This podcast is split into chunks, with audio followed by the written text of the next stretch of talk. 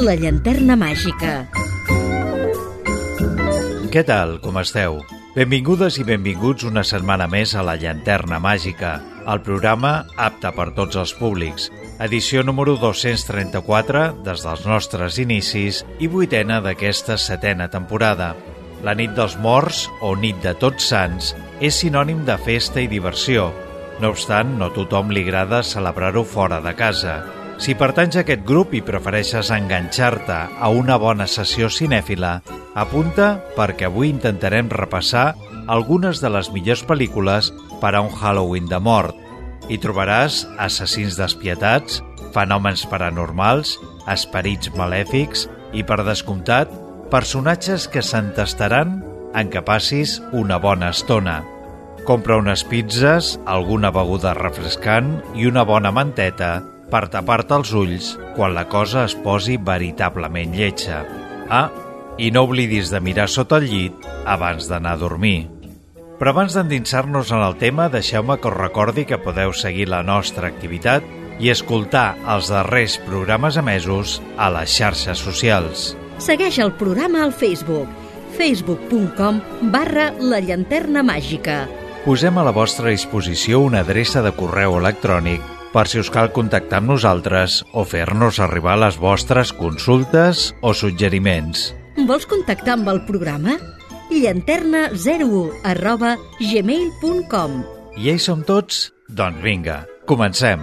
La llanterna màgica, amb Jordi Terrades.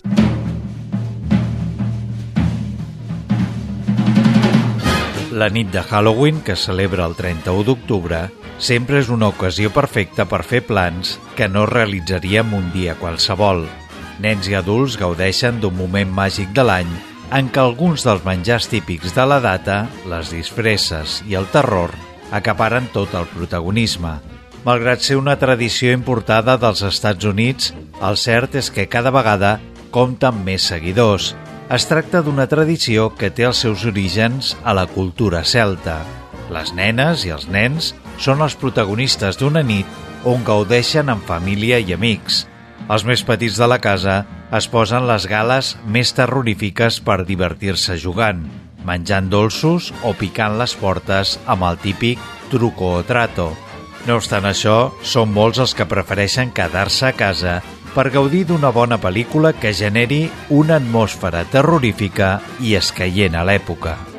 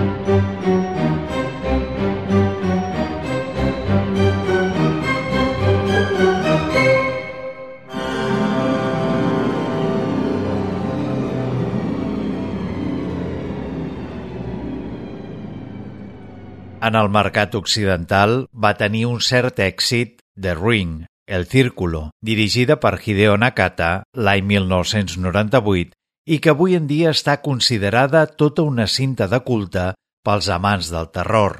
Quatre anys després, i degut a aquest èxit, va arribar la versió americana d'aquesta història basada en una novel·la de Koji Suzuki, que fins aleshores era un desconegut però que avui en dia està considerat a l'Stephen King nipó. El director de Pirates del Caribe, La maldició de la perla negra, Gore Verbinski, demostra un cop més que la clau del gènere de terror consisteix en partir d'una bona història i en una ambientació suggeridora, en contra de la tendència actual als excessos de sang. The Ring, la senyal, està protagonitzada per Naomi Watts, que va iniciar la seva carrera l'any 1986, però no va ser fins a 15 anys després, amb Mulholland Drive, de David Lynch, que va veure's catapultada cap a l'estrellat.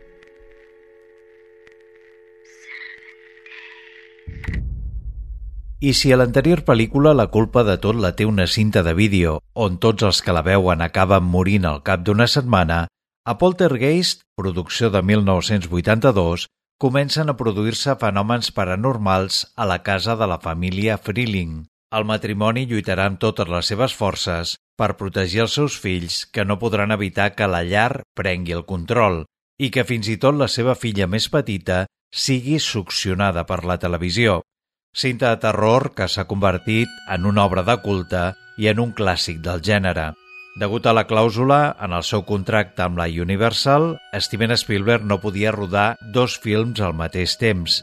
Relegat a la tasca de productor, el cineasta va escollir a Top Hooper com a realitzador idoni per una cinta la història de la qual havia escrit ell mateix, i no cal ser gaire espavilat per adonar-se que l'elecció de Hooper no va ser gens casual.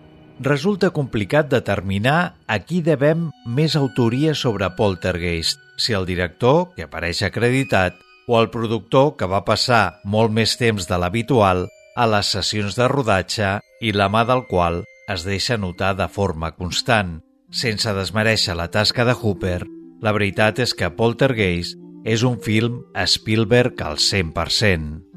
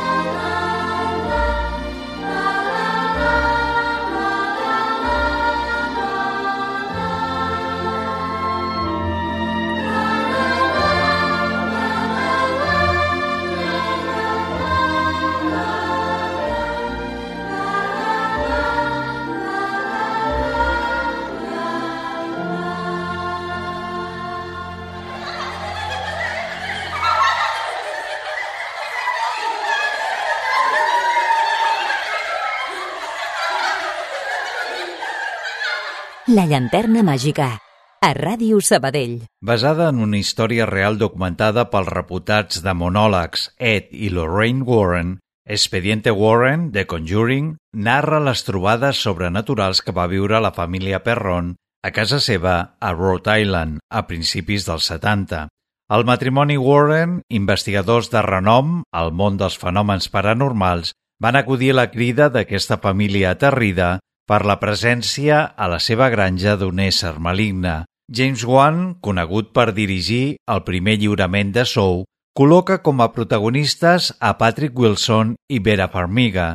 Tots dos realitzen un gran treball, així com la resta del repartiment. Com a Insidious, on el director també va comptar amb Wilson per interpretar el paper principal, Wan s'allunya de la violència i busca un tipus de terror més clàssic, basat en l'ambientació i una utilització intel·ligent del suspens.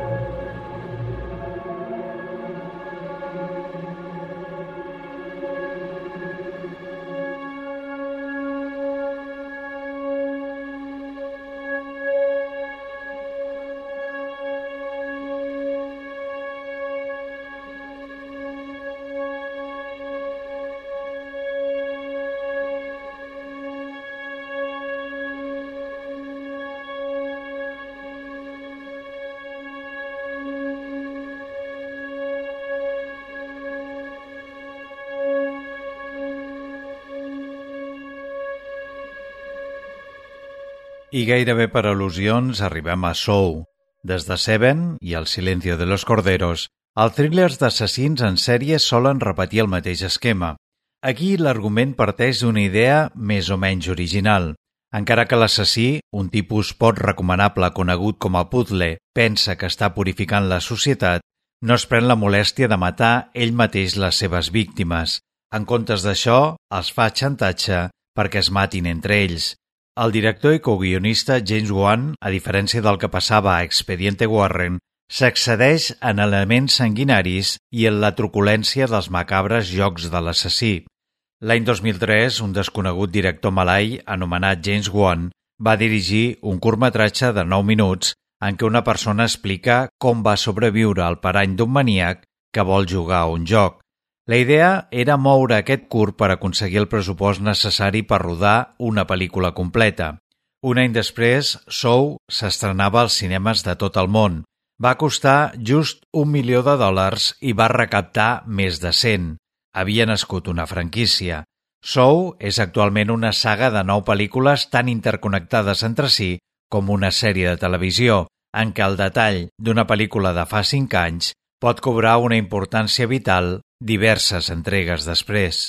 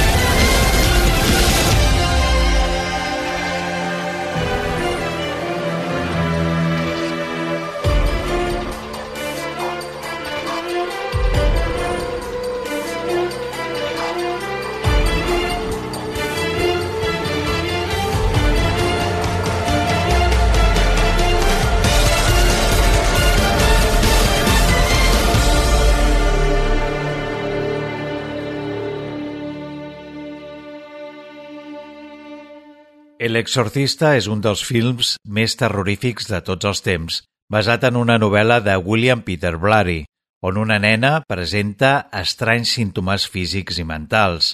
Els metges no tenen resposta per al seu mal. Aleshores, la seva mare, una dona que no és creient, comença a preguntar-se si la seva filla estarà posseïda pel diable. El pare Carr, un jove sacerdot, intentarà ajudar-la, però potser el cas li vindrà massa gran. La força d'aquest film, dirigit per William Friedkin l'any 1973, resideix en mostrar amb versemblança un cas de possessió diabòlica i els ritus catòlics d'exorcisme per aconseguir alliberar a la nena de l'ésser que la posseix. El realisme amb el que es mou la producció penetra fins als molls de l'espectador, provocant-li calfreds. Basada en un exorcisme real, el nostre país no va arribar a les pantalles fins setembre de 1975, ja que l'Església Catòlica i la censura del règim franquista van prohibir la seva comercialització. Però Espanya no va ser l'únic país on el film va ser polèmic. Als Estats Units van ser tantes les amenaces de mort que va rebre Linda Blair, la nena posseïda, que la jove actriu va haver de contractar guardaespatlles per tal de que la protegissin durant sis mesos. L'any 2000, el director va realitzar un nou muntatge amb 11 minuts de metratge addicional i so digital remasteritzat.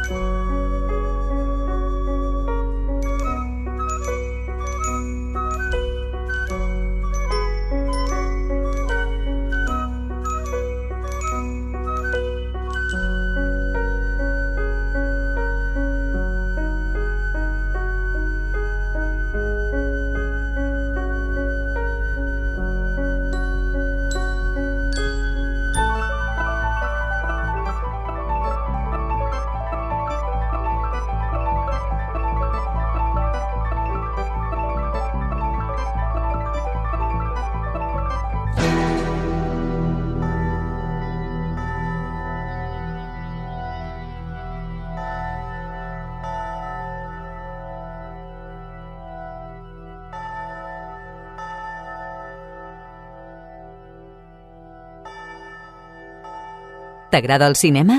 La llanterna màgica. L'any 1967 va ser publicada la novel·la més aclamada de l'escriptor nord-americà Ira Levin, Rosemary Baby, traduïda a l'espanyol com La semilla del diablo, recreant una història de terror, un gènere que, segons ell, era necessari renovar i va ubicar-la a Manhattan, un districte que coneixia la perfecció, ja que gran part de la seva vida va transcórrer allà. Ben aviat el llibre es va convertir en un best-seller i el director i productor de cinema William Castle va adquirir els drets del llibre i en col·laboració amb la Paramount Pictures va contractar un cineasta franc-polonès anomenat Roman Polanski per portar-lo a la gran pantalla.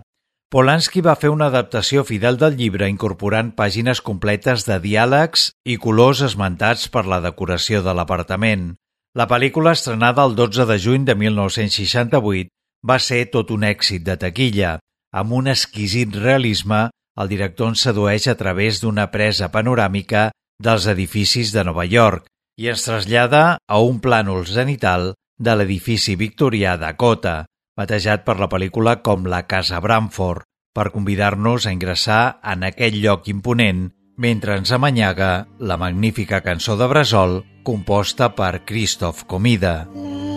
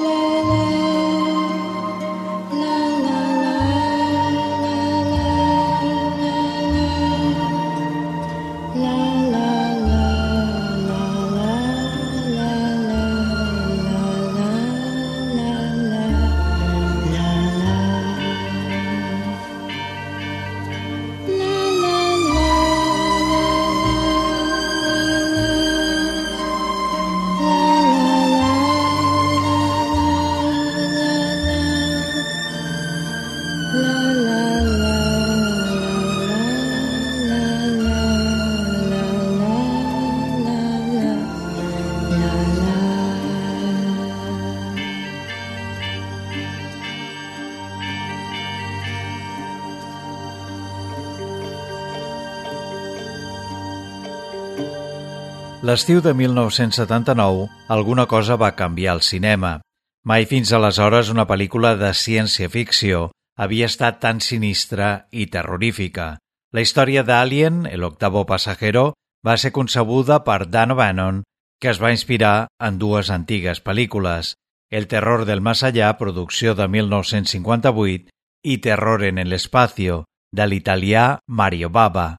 Tot i que el guió es va presentar a una petita productora, ben aviat es van adonar de que no podrien afrontar el pressupost que suposava rodar-la, així que la Fox es va fer càrrec del projecte, proposant a Ridley Scott per portar-la a terme.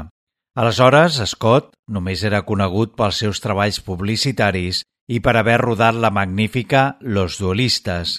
Tota la història d'Alien té lloc en una nau espacial, el Nostrodomo, que en un viatge comercial de tornada a la Terra intercepta un senyal d'auxili procedent d'un planeta proper. A l'exploració, un dels tripulants és atacat per un estrany paràsit que s'enganxa a la seva gola. Quan s'adonen que en realitat el senyal rebut per l'ordinador mare no era d'auxili, sinó d'advertiment, La tripulació ja ha permès entrar a la nau un ésser desconegut i letal. Diversos són els aspectes que van dur la producció a ser tot un èxit. I, sens dubte, un d'ells és la fantàstica interpretació de Sigourney Weaver en el paper de la tinent Ripley.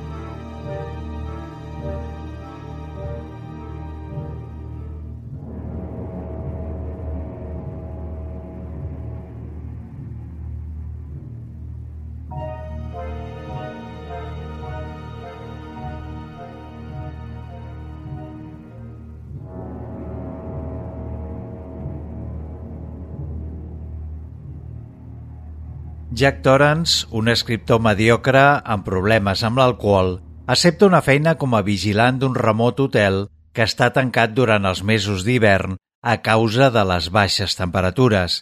Quan arriba al lloc acompanyat per Wendy, la seva dona, i Danny, el seu fill, Jack conversa amb el director de l'hotel que l'adverteix que l'anterior vigilant va perdre el cap i va acabar assassinant la dona i el fill. Aquesta és, a grans trets, la trama de El Resplendor, una de les grans obres mestres de Stanley Kubrick, a partir d'una novel·la del mestre de suspens Stephen King. Jack Nicholson era l'intèrpret ideal per encarnar Jack Torrance, un home que progressivament sucumbeix a la bogeria, arribant a resultar absolutament terrorífic en les seqüències en què persegueix la dona i el fill amb una destral. El sempre innovador Kubrick va fer servir per primera vegada l'anomenada Steadicam, un tipus de càmera que permet seguir els personatges en seqüències com la del nen muntant en tricicle pels passadissos de l'hotel.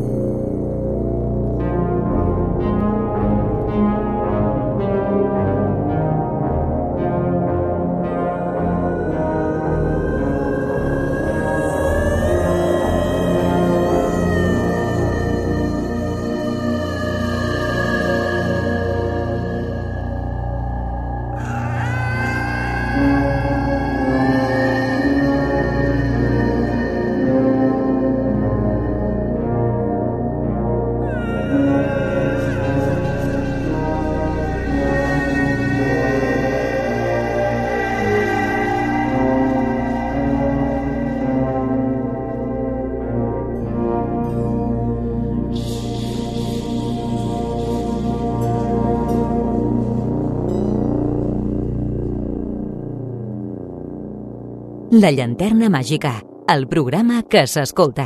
El doctor Aníbal Lecter està tancat en una presó de màxima seguretat, ja que té el costum de menjar-se a les seves víctimes. Un agent, sense massa experiència, Clarice Starling, compta amb el seu assessorament per aturar el criminal Buffalo Bill, que segresta i assassina dones joves. Aquest inquietant thriller, adaptació de la novel·la de Thomas Harris, va ser tot un èxit de taquilla i va endur-se els cinc Òscar més importants. Millor pel·lícula, director per Jonathan Demme, guió adaptat i actor i actriu principals per Anthony Hopkins i Jodie Foster, respectivament. El silencio de los corderos va ser la pel·lícula que va llançar la fama a l'actor fins aleshores poc conegut, malgrat la seva trajectòria. Possiblement, els moments més intensos del film són els que comparteixen els dos actors principals, on ella li explica algun succés del seu passat i ella, a canvi, proporciona pistes per aturar l'assassí. És el joc del quid pro quo.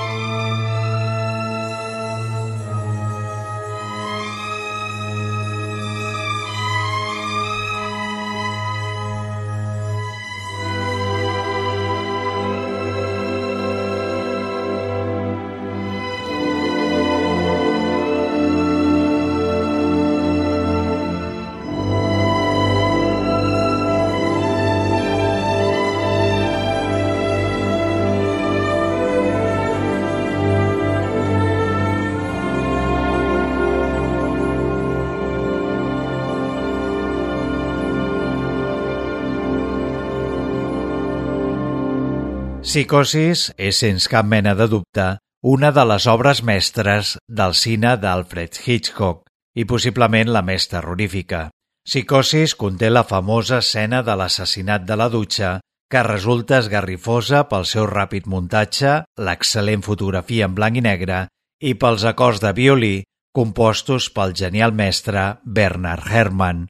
El llibre de Robert Bloch va ser llegit per Hitchcock quan estava de viatge per Londres i aquesta escena va ser determinant per prendre la decisió d'adaptar-la a la pantalla gran. Al voltant d'aquesta seqüència, el director va compondre el que ell mateix considerava el seu joc més gran amb l'espectador, per anar-lo despistant a base de canvis de rumb en l'argument, demostrant així un sentit de l'humor fora del comú del cineasta. I per avui, res més. Rebeu una salutació de qui us ha estat acompanyant al llarg d'aquest programa, Jordi Terrades. Com sempre us diem, gràcies per la vostra atenció sense vosaltres no seríem res i us esperem a la propera edició de La Llanterna Màgica.